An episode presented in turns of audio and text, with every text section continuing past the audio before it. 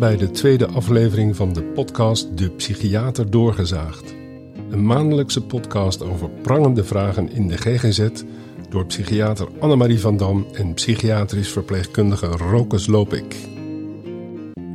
Vandaag gaan Annemarie en Rokus nog even door over de DSM-5, een klassificatiesysteem dat in de GGZ gebruikt wordt om mensen en hun problemen een naam, een diagnose te geven. Dat heeft nogal verstrekkende gevolgen. Verschillende mensen uit het netwerk van Rokus en Annemarie hebben gereageerd op de eerste aflevering van deze podcast, waarvan akte in hun gesprek op de eerste paasdag van 2021.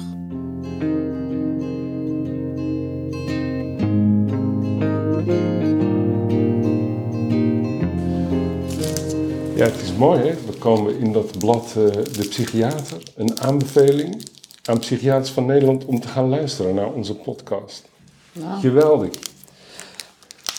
Toch? Want ik krijg nu ook veel vragen, of ik vertel dat aan de assistenten van, in de zin van, uh, ik leg mijn telefoon even weg, dan weet je dat je hem niet uh, te pakken krijgt. Ja. Uh, waar kan ik dat dan luisteren? Toen zei ik, nou, ik stuur je wel een linkje door, maar wat, wat, moet je, wat moet ik zeggen als mensen vragen naar waar je het kan vinden? Gewoon de psychiater doorgezaagd. Ja, je kan googlen, komt het ook meteen, want wij zijn de enige die die naam hebben bedacht. en soms uh, heb je nog wel eens uh, een dubbel, weet je wel. Ja. Dat, dat, uh, dat anderen ook die naam gebruiken, maar bij ons is het niet het geval. Dus als je hem googelt, komt hij meteen als eerste naar boven. Oh, oké. En die van ons heb ik op Springcast gezet. En daar staan er pas twee op, dus dit wordt de derde. En nou ja, een podcast moet ook goed zijn. Het moet ook iets zijn waar mensen graag naar luisteren. graag naar luisteren. Ja, ja, ja, zeker. En uh, die naam die wij hebben bedacht is volgens mij wel goed. Die intrigeert wel. Ja, precies. Dat hoor ik wel terug inderdaad. Nou ja, want veel mensen denken zo. En ik heb natuurlijk uh, hier een paar fragmenten scherp staan van mensen die gereageerd hebben op, uh, nou, op die eerste aflevering. En, um, en dat zijn natuurlijk mensen uit mijn netwerk. Daar had ik je die van Lisbeth laten horen.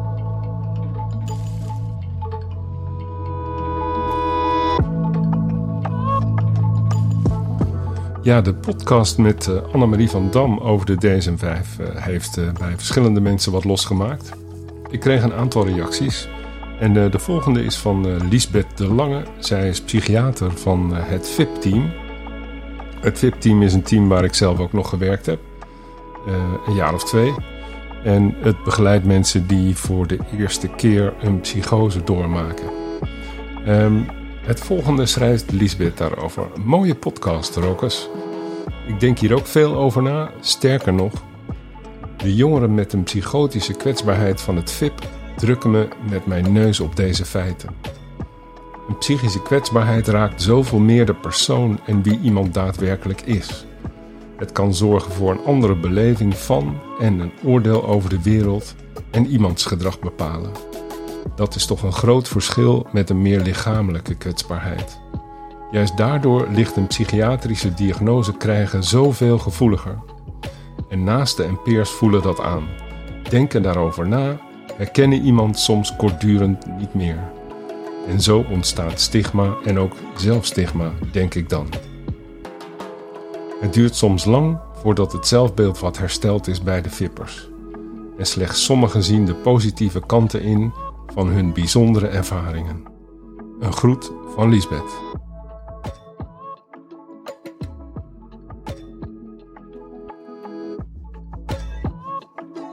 Wat vind je ervan, wat ze zei?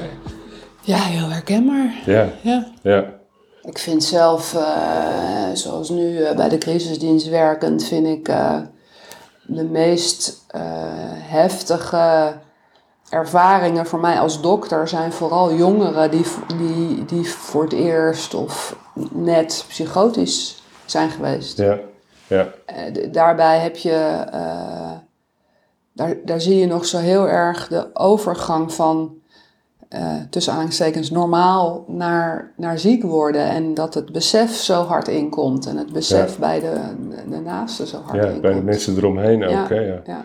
Ik weet wel dat ik daar ging werken bij het VIP-team. En nadat ik afscheid genomen had van het dakloze team. Ja. En ik was er heilig van overtuigd dat, uh, dat dat het enige was wat in, in de psychiatrie wat telde. de, de dakloze mensen met allerlei diagnoses die nooit overgaan. En toen ging ik bij het VIP-team werken en ik dacht, ik moet mezelf helemaal opnieuw uitvinden. Het was een totaal andere wereld. Ja. En, uh, en, en niets van wat ik, nou ja, wel iets van wat ik had geleerd uh, op straat uh, werkte daar wel.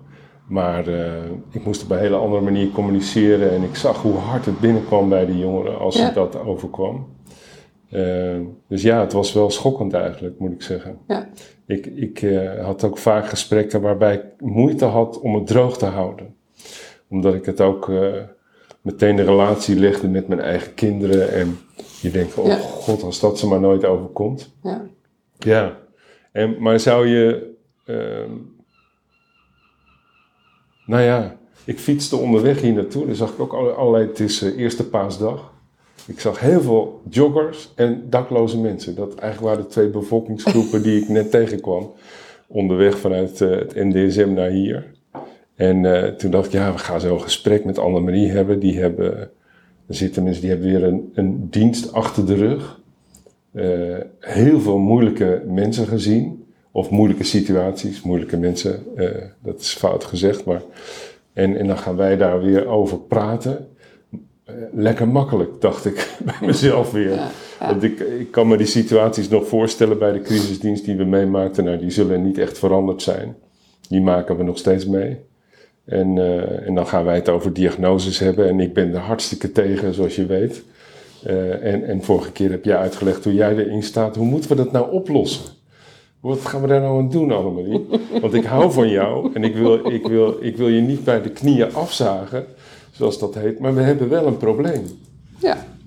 Nou ja, ik denk, zoals vaak, dat we denken dat we tegenover elkaar staan. En dat is denk ik niet zo. Ik denk dat dit twee ja, eh, visies op de werkelijkheid zijn die naast elkaar kunnen en moeten bestaan. Ja. Ik denk, kijk, wat, hè, wat Lisbeth de Lange eh, vertelt over VIP, dat is hartstikke waar. En dat voel ik ook zo, dat voel jij ook zo. Ja. Daarnaast is het wel heel belangrijk om die jongelui goed te diagnosticeren als ze binnenkomen.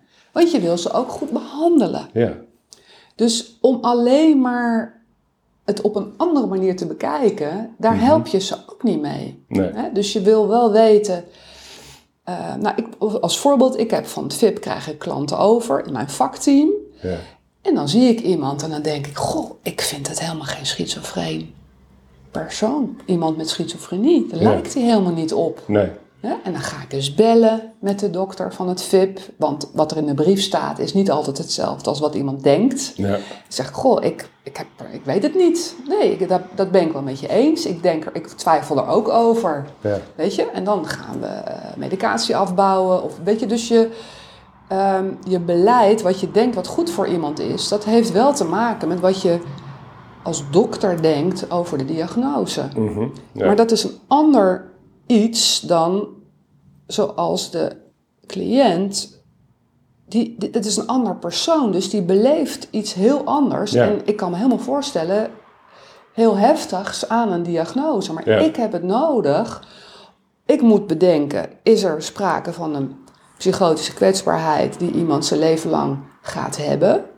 waar die eigenlijk niet meer van afkomt. Wat niet wil mhm. zeggen dat hij dat die psychotisch moet worden weer. Maar of is het iemand wat we ook heel vaak zien, bijvoorbeeld met een verstandelijke beperking, heel veel drugsgebruik, een, een wat ongestructureerde jeugd, waarbij je veel meer iemand in de omstandigheden moet brengen waar die veel structuur heeft. Ja.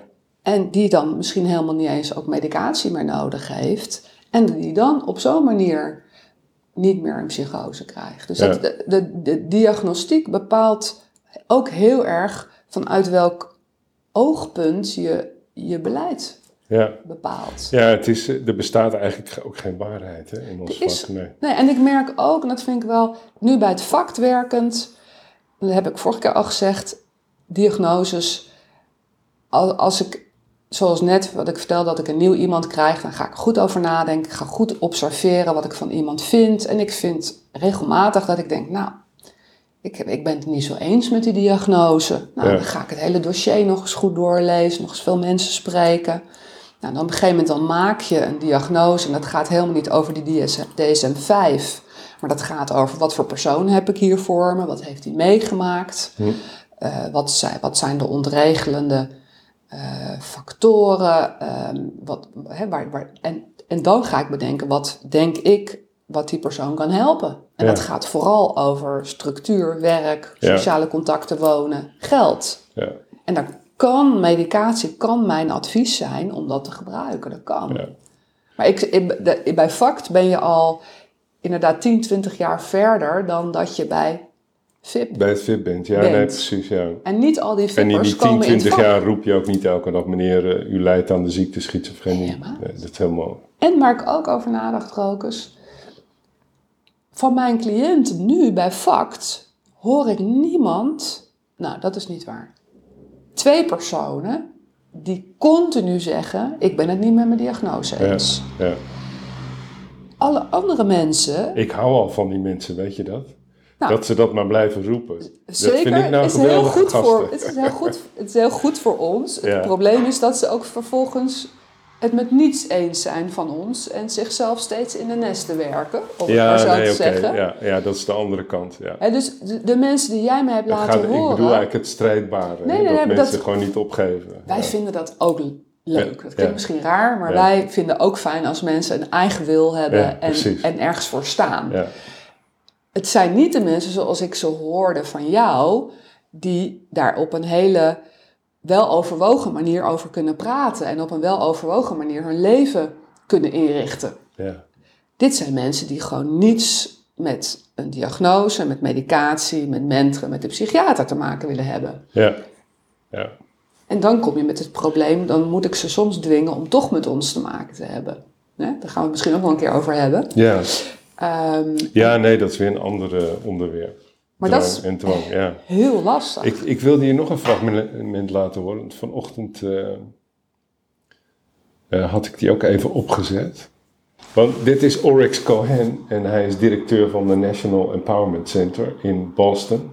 En eh, een geweldig leuke man die ik ontmoet heb eh, daar in, in eh, Boston, in eh, Austin, in Texas. En, en ook nog eens in Haarlem, want hij kwam een keer met zijn familie op vakantie. Toen heb ik hem meegenomen op eh, mijn sloep. En eh, ja, deze man heeft, eh, eh, ik weet niet hoe vaak, maar hij heeft een psychotische kwetsbaarheid. En, ehm, maar hij is ook een begrip geworden. Ze hebben emotional CPR bedacht. eh, met eh, een andere man, eh, Daniel B. Fisher heet hij. Dat was ooit een biochemicus. En eh, zo net na zijn twintigste eh, raakte hij in de war, heftig. Hij werd opgenomen in een kliniek en was zo ontevreden over de behandeling die hij daar kreeg, dat toen hij eenmaal eh, hersteld was, toen is hij uit recalcitrantie psychiater geworden. ja, mooi verhaal, hè? Ja. En, en zij zijn een groot fan van Open Dialogue uit Finland. Eh, maar net als ik eh, vonden ze het ook een beetje gek dat dat eh, heel duur moet zijn. En dat je heel lang moet, naar school moet om te leren hoe je dat moet doen.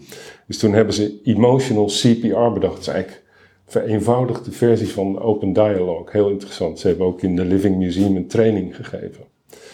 En nou, ik heb Oryx natuurlijk ook gevraagd. Hij heeft thuis, we hebben even gezoomd. Het was leuk om hem te zien. En hij zei iets aan het begin van het interview wat mij wel ja, toen dacht ik, jezus, als dat nou de bijwerking is van het feit dat Annemarie tegen hem zegt, eh, je hebt dit en dit.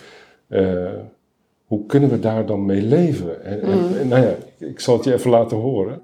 Well, um, I can tell you my my personal experience with being diagnosed, uh, which and I was diagnosed with bipolar disorder. To me, it felt like I was thrown out of the human race.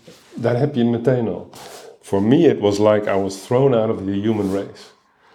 Dat is toch, ja, dat, nou ja, dat is ongelooflijk als iemand dat, als dat het effect is van het feit dat je die diagnose krijgt. Als, als één persoon, Oryx Cohen uit Boston, dit ontleent aan het feit dat hij die diagnose krijgt, zou je toch kunnen stellen, moeten we mee stoppen? De- de- hier heb ik, ik heb heel erg erover nagedacht. Ook omdat ik ook eh, geraakt was door zijn woorden. Ik vond Ja. dat ook heel heftig. En dan, dan. maar dan ga ik inderdaad denken, hoeveel mensen krijgen die diagnose? Mhm. Nou, ik denk miljoenen over de aardbol, Ja, gok ja. ik. En hoeveel mensen hebben zo een hele heftige reactie? Mhm. En is dat een reden om dat niet meer te zeggen? Of moet je zeggen, Oryx, wat, als ik zijn dokter zou zijn, wat ongelooflijk verschrikkelijk. En ik wil je daarin begeleiden en eh, coachen Ja. hoe je over dit enorme. eh, eh, want dat, dat, het is natuurlijk een aanslag op je zelfbeeld, hoe je over jezelf Ja, denkt enorm, en ja. voelt. I was thrown out of the human race. Ja. Nou, veel erger wordt het niet. Nee, dus, maar is het, is het reëel, kan je je afvragen. Is het iets wat zijn psychologische make-up, zijn karakter, Mhm. doet met zo'n rotmededeling? Ja. Ik, ik, ik sprak ook laatst iemand die vertelde, die kent iemand goed, heeft daar een relatie mee, die schizofrenie heeft. En die vertelde, ja, hij haalt zijn schouders erover op. Mhm. En hij zegt, ja, nou oké, Ja. ik moet gewoon een goed leven leiden. Ja.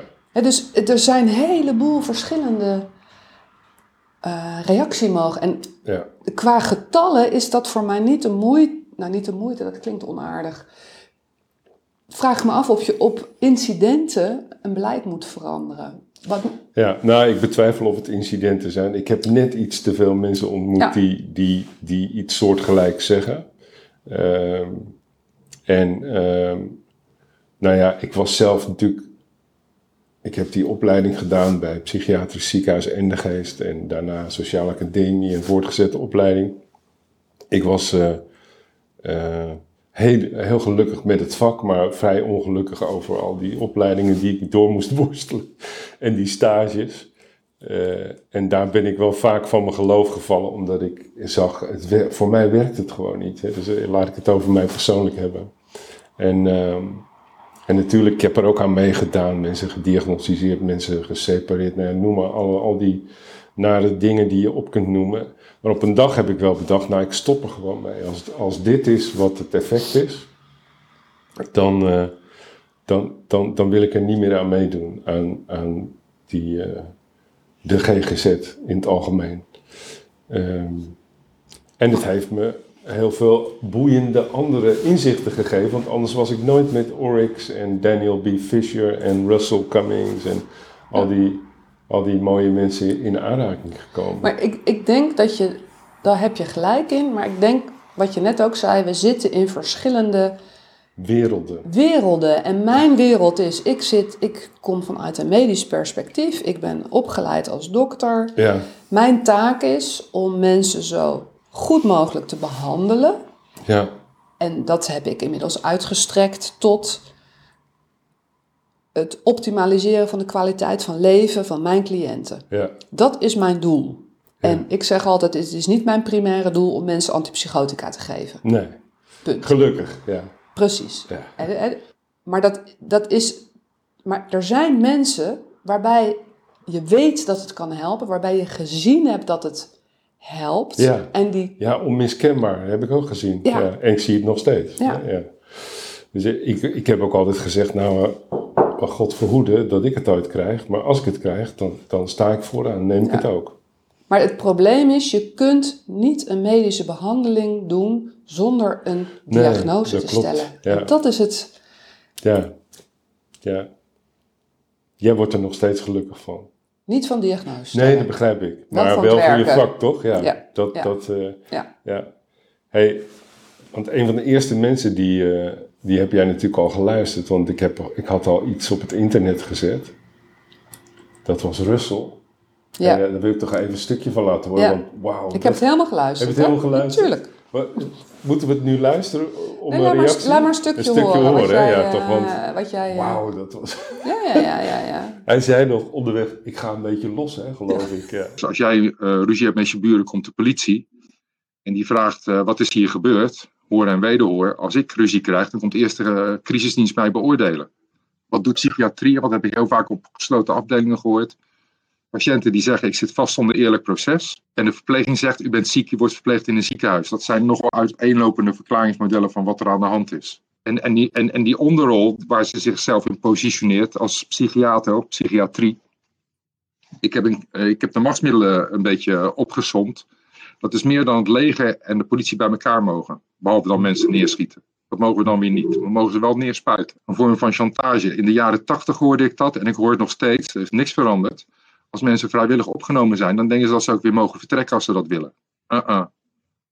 Dan worden ze eerst beoordeeld. En dan kan alsnog uh, het vrijwillige status wordt dan omgezet in een onvrijwillige status. Je weet het, zo werkt het. Een vorm van, van chantage, dat ik psychisch geweld. In de kern, uh, er, er zit een, een weeffout in het systeem. Namelijk dat, dat iemand die in de psychiatrie in behandeling is, onder de verantwoording valt van de psychiatrie. En als het dan misgaat, wordt de psychiatrie aangesproken op de patiënten bij hun in behandeling. De beste psychiaters waren niet kringbaar in hun beroep. En dat vind ik wel uh, heel, heel prettige mensen. En ze zijn er, hè? Getalenteerde, open, open mind. Ja, ik, ik, ik ga een beetje los, geloof ik. Hè? Ja, ja, nou ja, wat hij zegt, dat is dus ook weer een clash van werelden. Ja. En ja. de, de, de cliënt die wil autonomie, die staat op zijn autonomie. En het is precies zoals hij zegt. Op het moment dat je, doordat je in het systeem komt, cliënt-patiënt bent, ja. voelen wij een verantwoordelijkheid. Ja, ja, ja. En dat is ook weer omdat je in een medisch model zit. En wat je doet is goede diagnostiek. En we hebben hele moeilijke mensen, ook bij de crisisdienst, die heel moeilijk zijn en die bijvoorbeeld geregeld een zelfmoordpoging ondernemen. Waarbij we op een gegeven moment elkaar zeggen: we gaan deze persoon niet meer zijn autonomie afnemen. Ja. Want dit is kennelijk hè, wat door de narigheid in het leven allemaal gebeurt. Maar als je deze persoon opneemt op de opnameafdeling, dan is hij er maar alleen maar slechter aan toe. Hm. Maar voordat je met elkaar die beslissing neemt, moet je wel heel zeker weten Ja.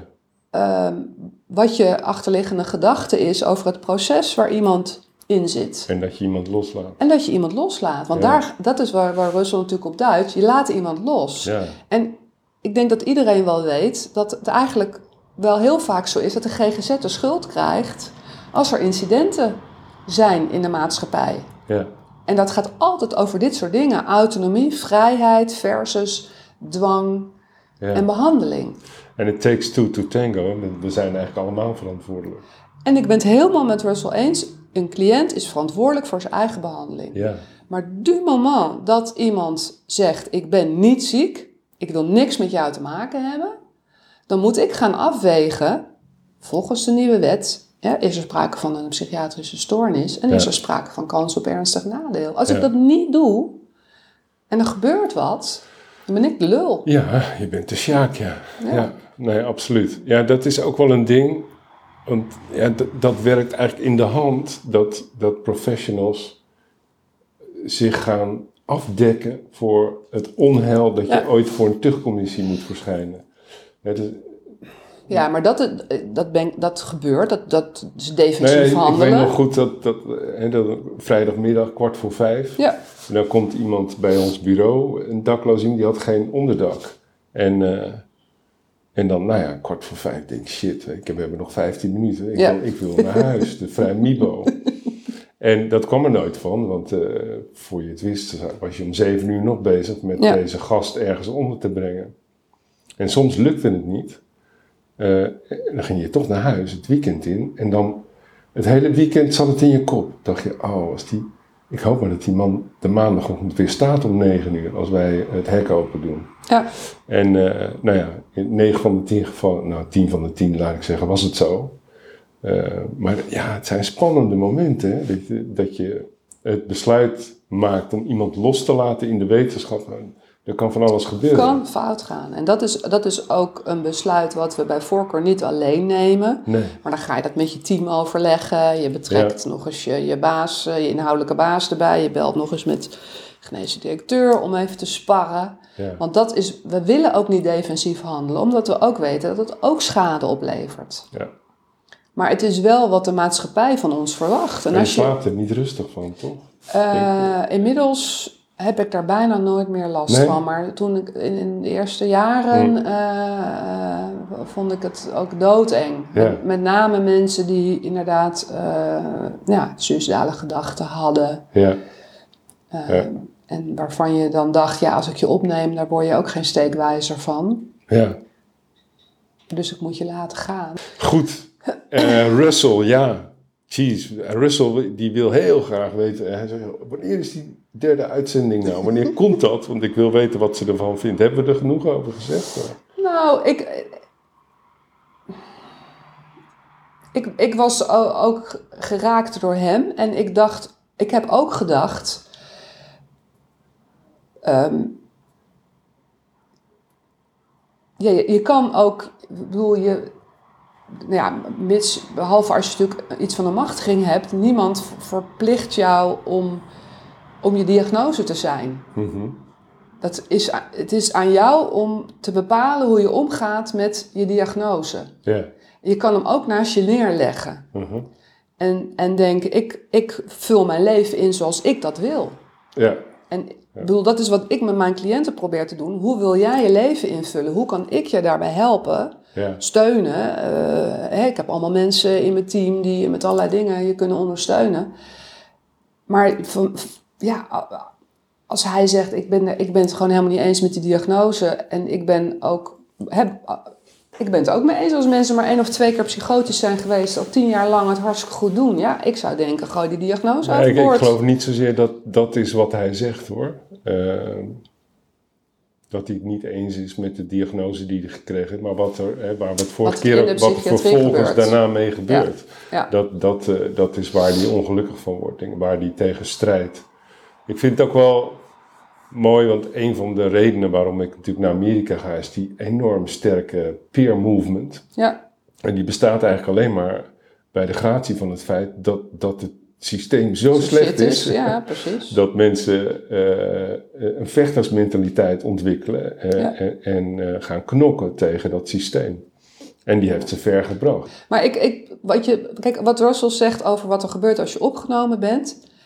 En dat er dan twee werkelijkheden zijn, dat is ook zo. Ja, Maar ik, ik hoop dat hij begrijpt dat wij inderdaad vanuit onze verantwoordelijkheid, vanuit het medisch model, de verantwoordelijkheid als behandelaar, dat als iemand inderdaad zegt: Ik wil nu naar huis, ja, dat je toch even een gesprek met die persoon moet hebben om af te checken: ja, is die heel erg in de war, eh, heeft hij heel erg gebruikt, weet ik veel.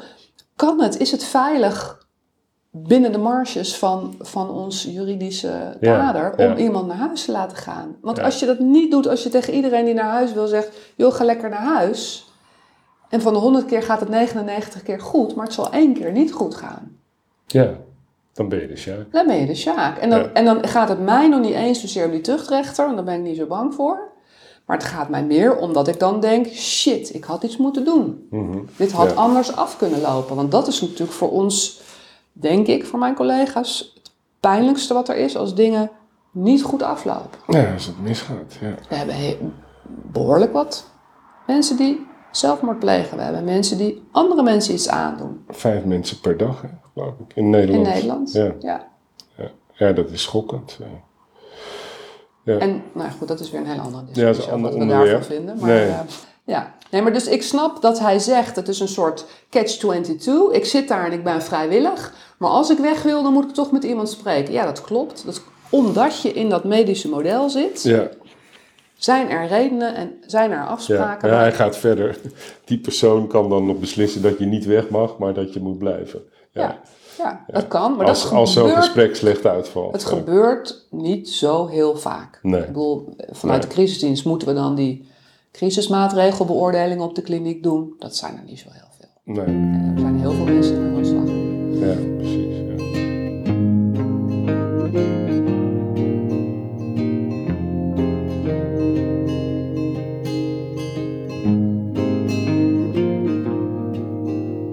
a monster. It's what you call it nowadays. Pain and tears and fear is what we know awaits. But I hope you're safe now.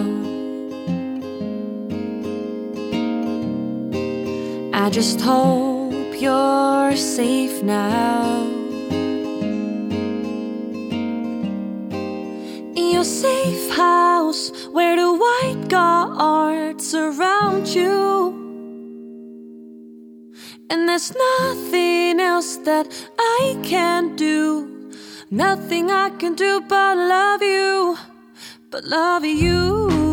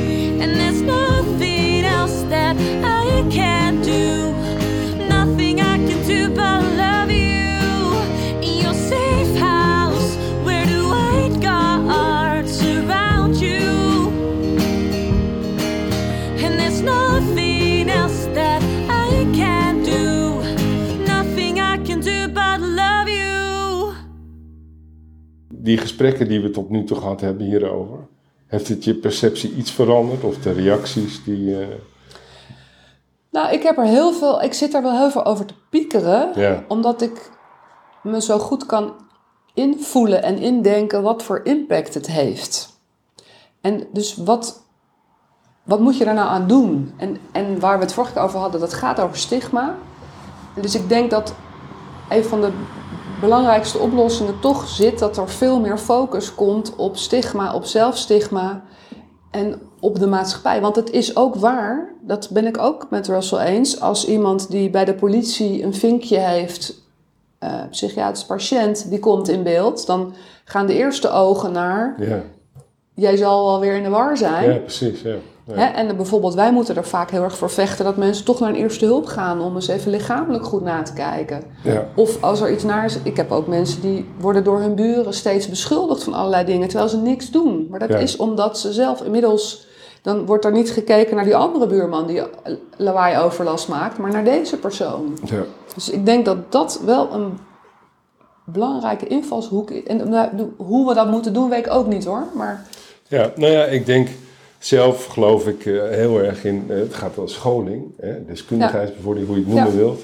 Dat dit soort gesprekken die wij hebben, eh, dit soort ehm, ehm, reacties op onze eerste aflevering van Russell, van al die andere mensen, die moeten we aan mensen laten horen. Ja. dat is, we geven mensen een inkijk in een andere wereld. Over hoe Ja. anders mensen daar tegenaan kijken. En die moet je weten als professional. ja, Toch? eens. Ik vind het een groot gebrek aan mijn opvoeding als verpleegkundige dat ik pas veel later de- deze, deze meningen heb gehoord. Ik vermoedde wel dat ze er waren op basis van wat ik zag op de afdelingen waar ik werkte. Maar eh, ik heb er ontzettend veel van geleerd. Nou ja, en we moeten ons dus continu blijven realiseren dat we een machtspositie hebben. ja, Hè? Dus ik vind ook altijd als mensen klachten willen indienen, dat soort dingen moet je allemaal ondersteunen, want ze, ze zijn de onderliggende partij. We hebben een machtspositie.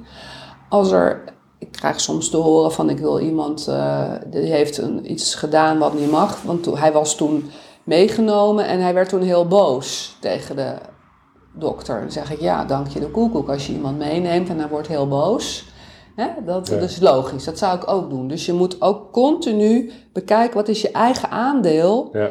in de, de, de incidenten die gebeuren. Zouden we professionals ook... eh, ik heb een vriend, Mark, die is piloot.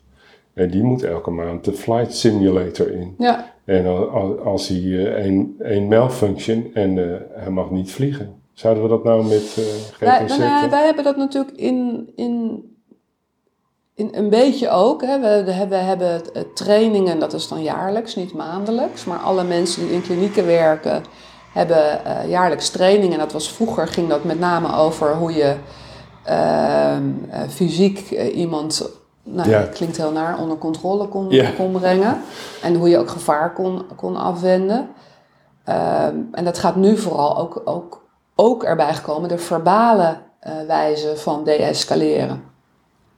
En daarnaast zijn er allerlei methodieken als de eerste vijf minuten en de safe words. Dus Ja. er, wordt, er is wel heel veel aandacht voor hoe je hiermee om moet gaan. Ja, En dat Ja, nee, zal dat nog niet genoeg hoor. zijn, maar eh ja. dat is wel belangrijk.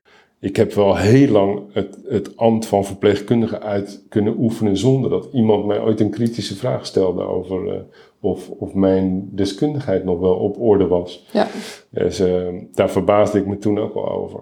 ja. Eh. nou ja je, je, probeert dat natuurlijk inderdaad...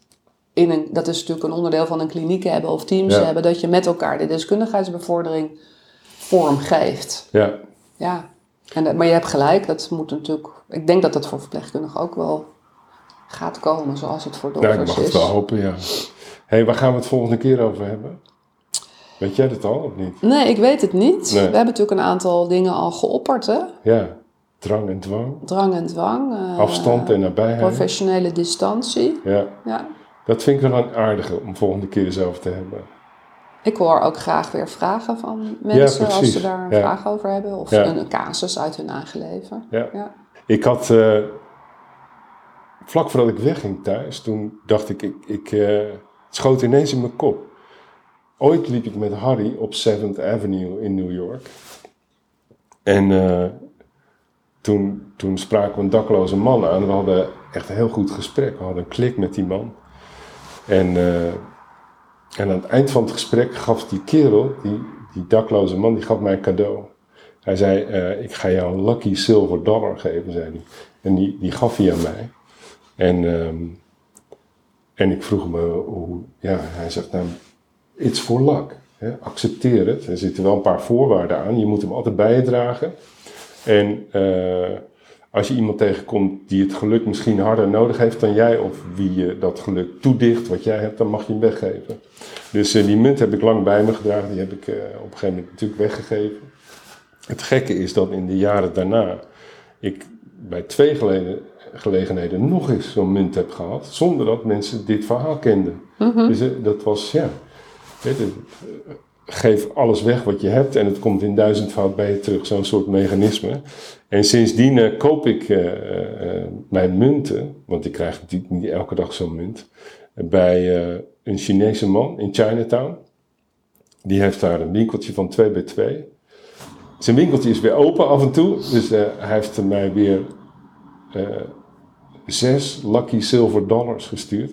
En hij doet er ook iets mee, want hij kent het verhaal van die dakloze man. En hij doet ook iets met die munten. Wat wil hij me nooit zeggen? Maar Oh. ze zijn gezegend. Ja. En ik heb er één voor jou meegenomen. Want ik dacht, het kan niet zo zijn dat Annemarie in deze ruige stad, het mekka van de sociale psychiatrie, rondloopt. eh, daarbij alle gevaren loopt die je kunt bedenken. eh, dat jij die munt niet hebt. Nou, Maar er zitten twee voorwaarden aan, zoals je weet. Je moet hem altijd bij je dragen. Want ik heb er ook één hier in mijn zak zitten. ja. Die Ja. ik altijd bij me draag. dat kan. Ja. En, eh, en als je iemand tegenkomt waarvan je denkt, eh, nou, misschien kan die het beter gebruiken dan ik, dan eh, is het dan ik of als ik. Nou, Dan ik. Dan ik, ja. Dan mag je hem weggeven. Dus bij deze, hij is voor jou. Nou, ik voel me helemaal vereerd. Eh, ik, had het, eh, ik had er iets over gelezen inderdaad. Oh ja, ik had er een bericht over eh, ja, ja, ja, geplaatst. Ik heb hem een beetje opgepoetst, deze. Ja. Allemaal eigenlijk. Wauw. Ja, Ja. ik ben. ik- en ja, toen ik die munt kreeg van die man, dat was eigenlijk aan het begin van mijn keuze om als ZZP'er in de GGZ te werken. ja, Nou, het ging me voor de wind daarna. had je hem nodig Ja, inderdaad. echt. Ja, ja. heeft me veel geluk gebracht. Ja. ja. Nou, ik kan ook... Ja, geluk kan je altijd gebruiken Nou ja, natuurlijk. en, eh, en als ik iemand tegenkom die hem harder nodig heeft, dan ga ik hem doorgeven. Heel goed. Dankjewel. Thanks voor dit gesprek en eh, ik wens je fijne Pasen en zo en dat soort dingen. Ja. Ja. Ga je nog iets leuks doen? Nee, nee, ik heb dus Wandelen? dienst. Ik heb dienst, Ja. dus ik ga op de telefoontjes zitten wachten. Dat is eh, hoe het eruit ziet. We zien elkaar eh, over een maandje. Ja, zeker. Ciao, ciao.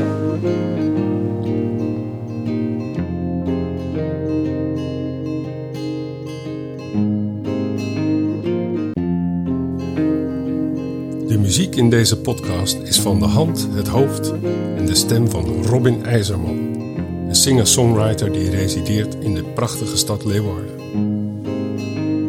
Robin is een enthousiaste, talentvolle jonge vrouw die ook een rol als herstelcoach vervult in bijvoorbeeld de bemoeizorglessen die Harry Gras en Rokus Lopik verzorgen. Als ook de herstelstudiereizen die zij naar Amerika organiseren. Prachtige song zegt soms veel meer dan duizend hulpverleners woorden. Ook toert Robin samen met Juri Lentjes, een andere geweldige zanger, in de zomer langs GGZ-afdelingen in ons land. Spelen en zingen voor paradijsvogels. En dat allemaal aangeboden door de Social Run en Alstare Zorg, het leukste uitzendbureau van Nederland. Blijf luisteren, want hierna volgen de volledige reacties op onze eerste aflevering van Russell Cummings, ervaringsdeskundige van Altrecht, Oryx Cohen, directeur van de National Empowerment Center in Boston, en Vesper Moore van de Kiva Center in Boston. En dan sluiten we deze aflevering van de Psychiater Doorgezaagd af met nog een prachtige song van Robin IJzerman.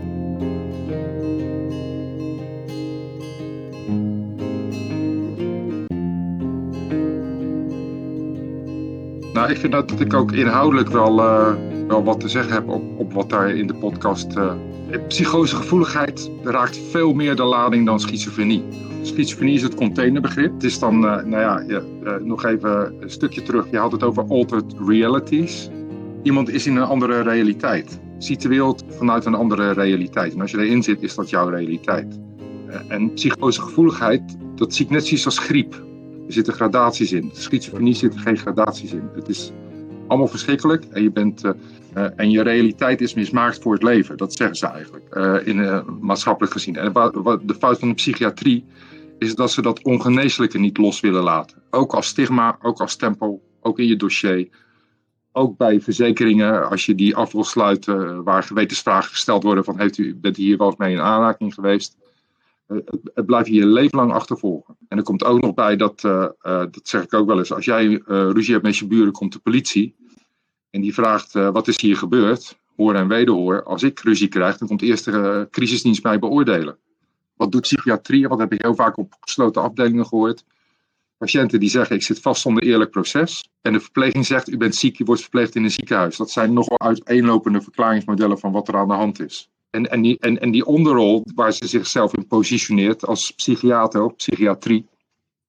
Ik heb, een, eh, ik heb de machtsmiddelen een beetje opgesomd. Dat is meer dan het leger en de politie bij elkaar mogen. Behalve dan mensen neerschieten. Dat mogen we dan weer niet. We mogen ze wel neerspuiten. Een vorm van chantage. In de jaren tachtig hoorde ik dat en ik hoor het nog steeds. Er is niks veranderd. Als mensen vrijwillig opgenomen zijn, dan denken ze dat ze ook weer mogen vertrekken als ze dat willen. Uh-uh.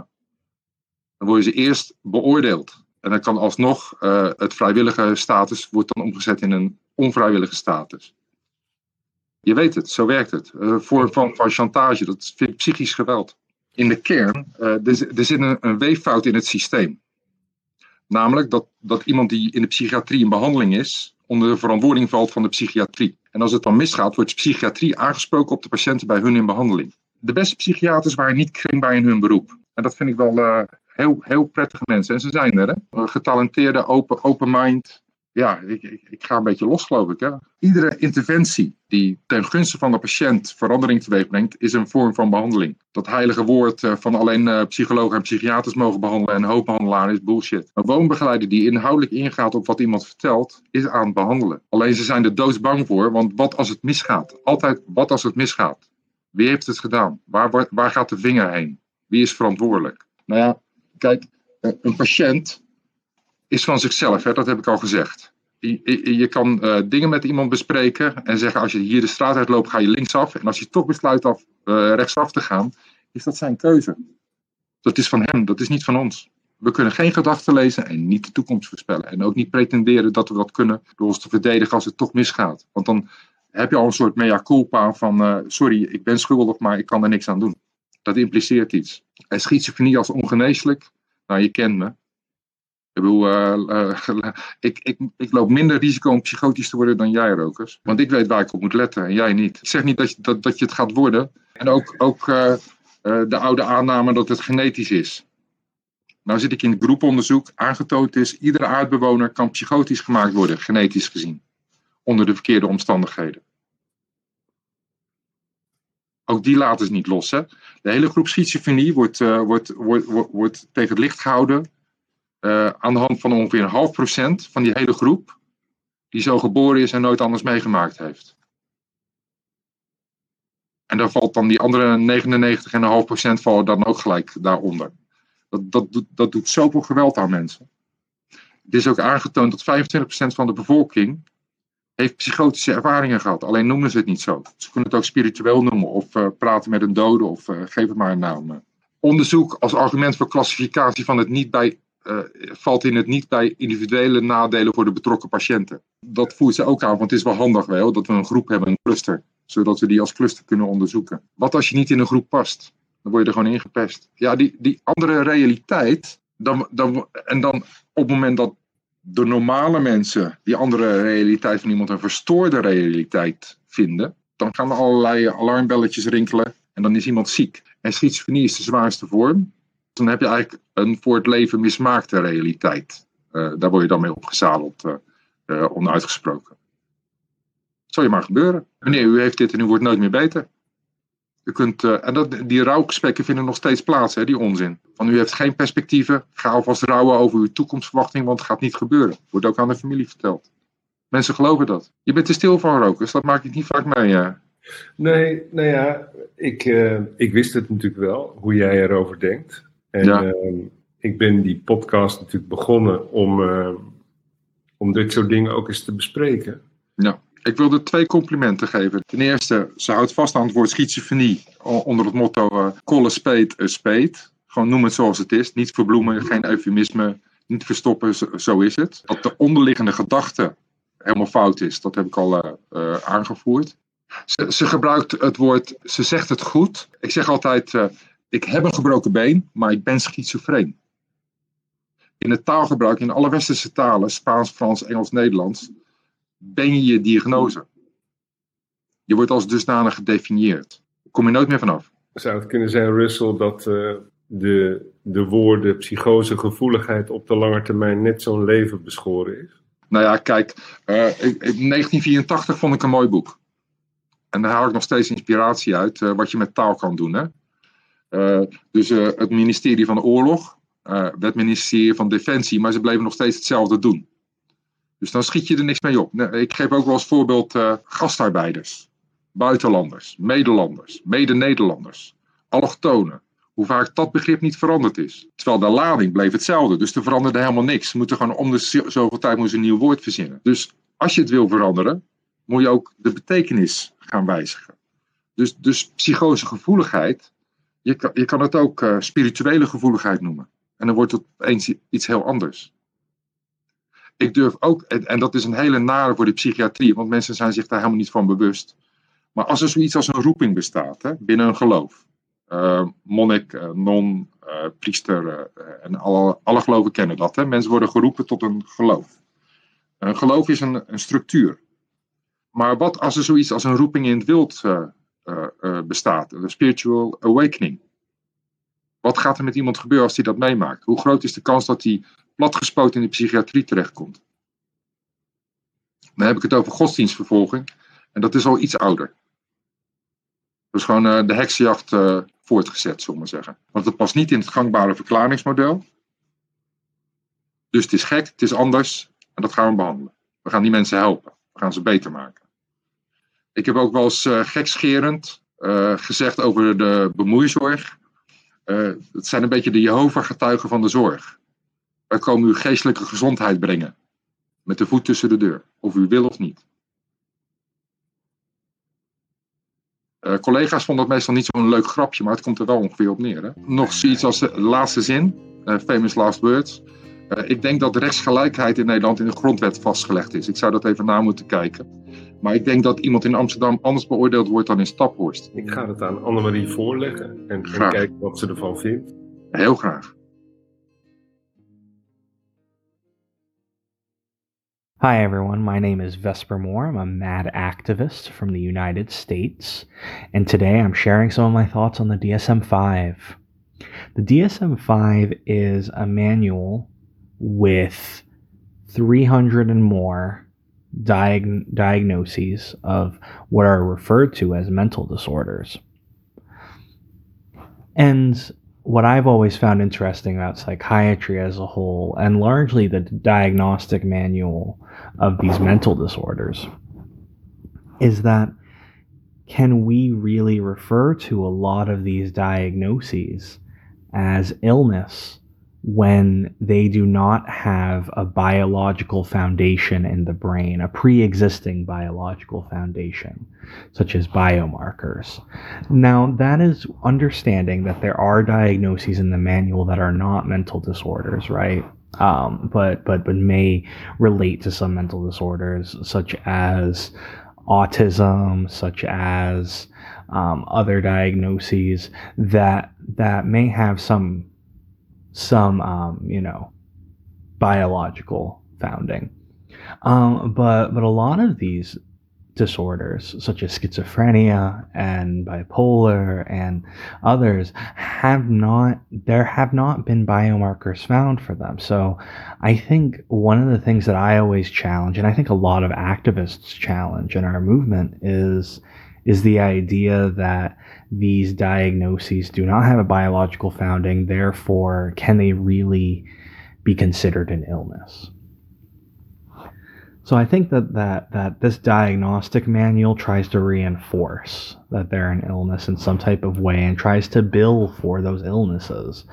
And that I know here, especially in the United States, um, there is a very large industry around psychiatry and pharmaceutical um, and, and, and there are a lot of pharmaceutical industries along with that psychiatric industry.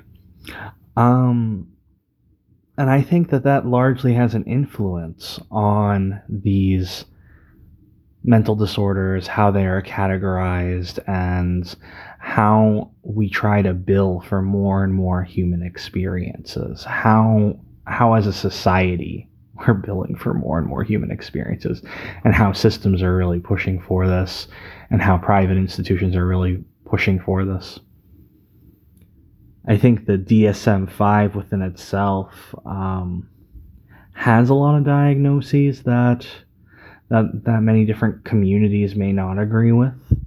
Um, I know for myself, I do not agree with the diagnosis of schizophrenia or bipolar, and I have not agreed with uh, many of the diagnoses, particularly around different social classes of people, such as um, being transgender being a diagnosis at one point or another, and even even the diagnostic category of gender dysphoria. Even if some people may feel like it's you know dysphoric or feeling dysphoric in their gender, that I don't I don't actually think that that should be categorized as a mental disorder or the very factor of asexuality being categorized as sexual dysfunction.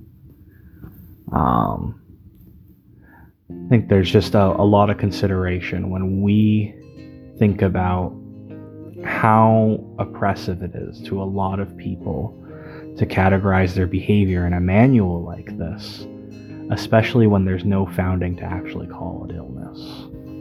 Thank you. Well, um, I can tell you my my personal experience with being diagnosed, uh, which and I was diagnosed with bipolar disorder. To me, it felt like I was thrown out of the human race. So it was not it was not a positive experience for me.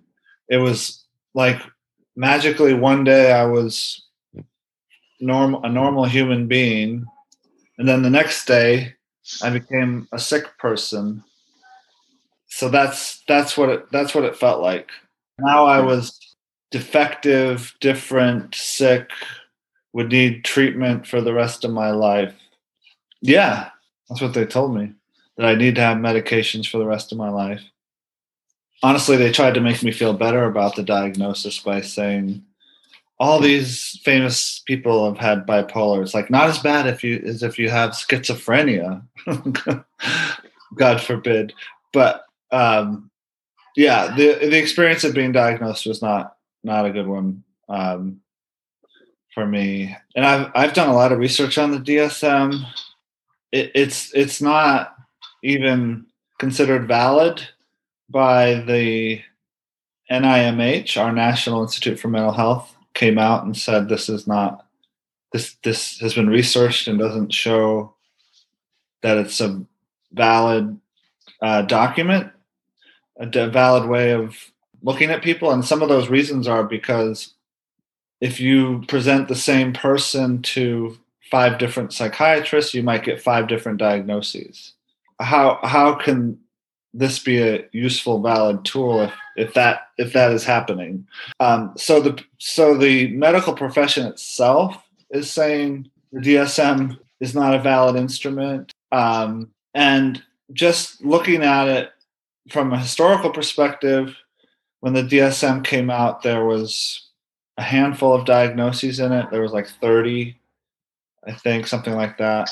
Now there's upwards of 350. You can find yourself in there if you if you want to. So the question is, are we really becoming sicker as a society, or is there some other factors that are driving this?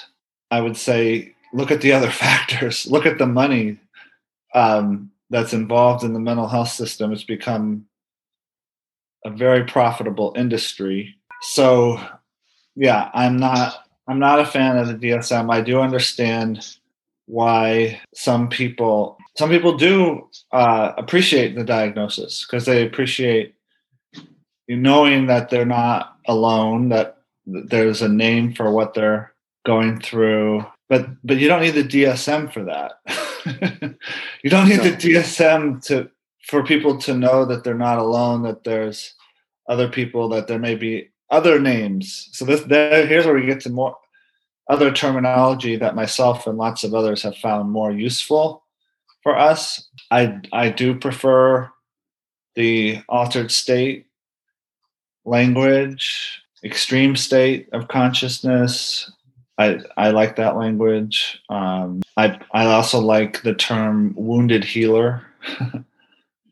A lot of us are end up being wounded healers, and that's the way I look at these experiences. I don't. I, I do see them as more of a spiritual experience, and and that's the way I look at my own experiences. And the thing about altered states or extreme states is it's different for whoever's going through it, and there's a lot of different viewpoints out there from people who have lived experience. So I think a big problem with the medical model is that it's a one size fits all approach. So it says your issue is medical. And and that's it. End of story. Um, there's something going on in your brain and you're different and and here's some medication to it won't fix the problem, but it will make your life manageable. So I'm not going to say that because I think my experience is spiritual that that means everyone's experience is spiritual because then I'm kind of doing the same thing that the medical model is saying and saying there's one explanation. Pe- some people do feel like there's some physical biological stuff going on. That's their interpretation. Okay. Some people feel like it's a spiritual experience and that's what's going on for them. Okay. Some people think it's a trauma response, that this is a reaction to some form of trauma that's happened uh, in your life. Um, there's actually a ton more evidence for that model than there is for the medical model. There's really convincing evidence for the trauma model should we say that every experience is caused by trauma, I still think that's a mistake because some people don't view their experience as caused by trauma. Some people say this is purely a spiritual experience. And for me, it was kind of a mix. I think that trauma was involved with the states that I went through. Um, you know, I had my parents divorcing at a very young age. I had a, an abusive basketball coach as a kid. You know, I had some things happen. And I very much feel like the experiences I had were spiritual in terms of feeling just a greater connection to the universe and everything and everyone that has kind of stuck with me through it all. It's like I'm not I'm not afraid of that anymore. So some some of it was so overwhelming when I was going through it. I was just like, oh, I'm so special. Like no one's ever no one's ever experienced this before. This is amazing. And then you kind of get lost in it. Your ego takes over. Was was the experience with Daniel driving you back home from Austin important? Yeah, that was a that I've been through three of these altered states, or I even like to call them vision quests.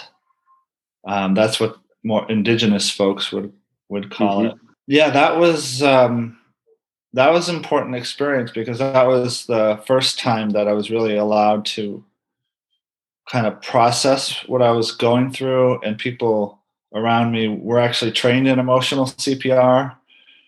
Um, and so I was encouraged to find the meaning in the experience, um, which I think has been really helpful moving forward, and probably a reason why I haven't had another experience like that since. I don't. I haven't felt the need to, you know, travel in those realms. Um, I'm able to tap into the spiritual side without getting so lost in it. But yeah, that was that was super important, and it leads to another point, which is people do as well as their community expects them to. And in the medical paradigm, we expect people to need treatment the rest of their lives, to probably get worse, to not work, to end up dying at a young age. And guess what? That's what's happening. We have we're dying 25 years younger than the average person. We're 90% unemployed. Um, so if you think that's a success, I don't. I'm sorry. I don't know. I can't help you. Um, but if you're if you're in a if you're in a culture or community that sees your experience as potentially a gift to the entire community, and if you look at indigenous cultures who treat these experiences like that, not everyone who goes through these experiences is going to end up being a wounded healer or a shaman or that type of thing. But if you view the experience as important, as having some meaning, then lo and behold, you see people live up to that. You see people, oh, I can, I can uh, process this vision that I had or this wild experience that I have, and and even some indigenous cultures, that's the most important experience of their whole life, and they even go through it on purpose. that's what a vision quest is with a guide. It's not viewed as sickness. It's not viewed as pathology, illness, anything like that. It's maybe the single most important experience that someone will go through. That's often where they get their name, their direction in life.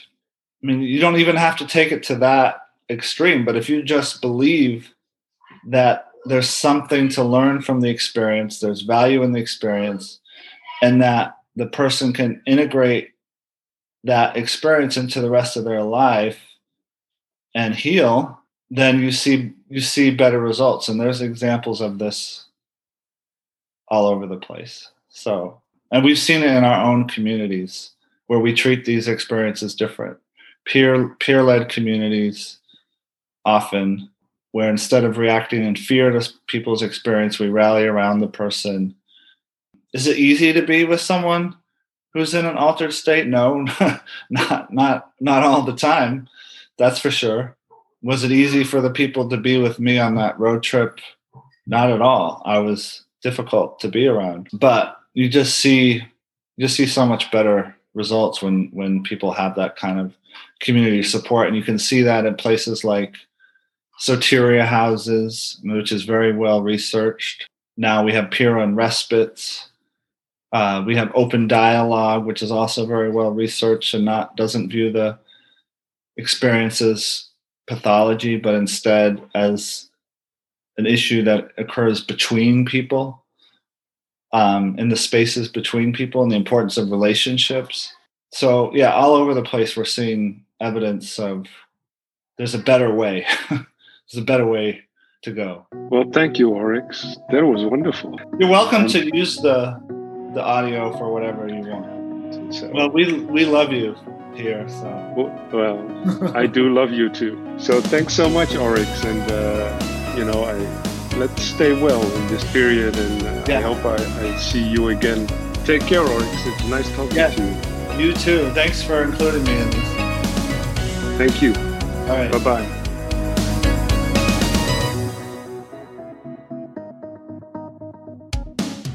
Bedankt voor het luisteren naar deze aflevering van de Psychiater Doorgezaagd. Dank aan Russell, Oryx, Lisbeth, Vesper en Robin. Deze podcast kun je beluisteren op springcast.nl.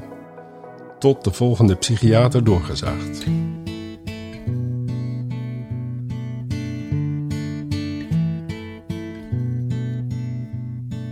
I will come close when you step back. I'll stand up when you come to sit down. I'll close my eyes when you open yours. Cause I would not allow you to look inside. Inside inside,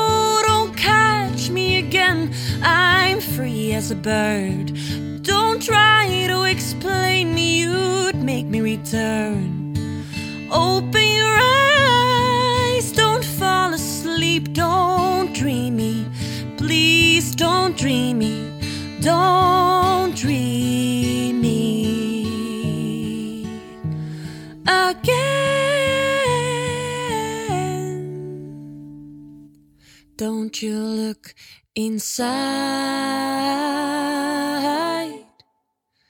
inside, inside. I'm inside of your eyes.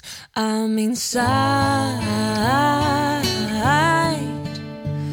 inside,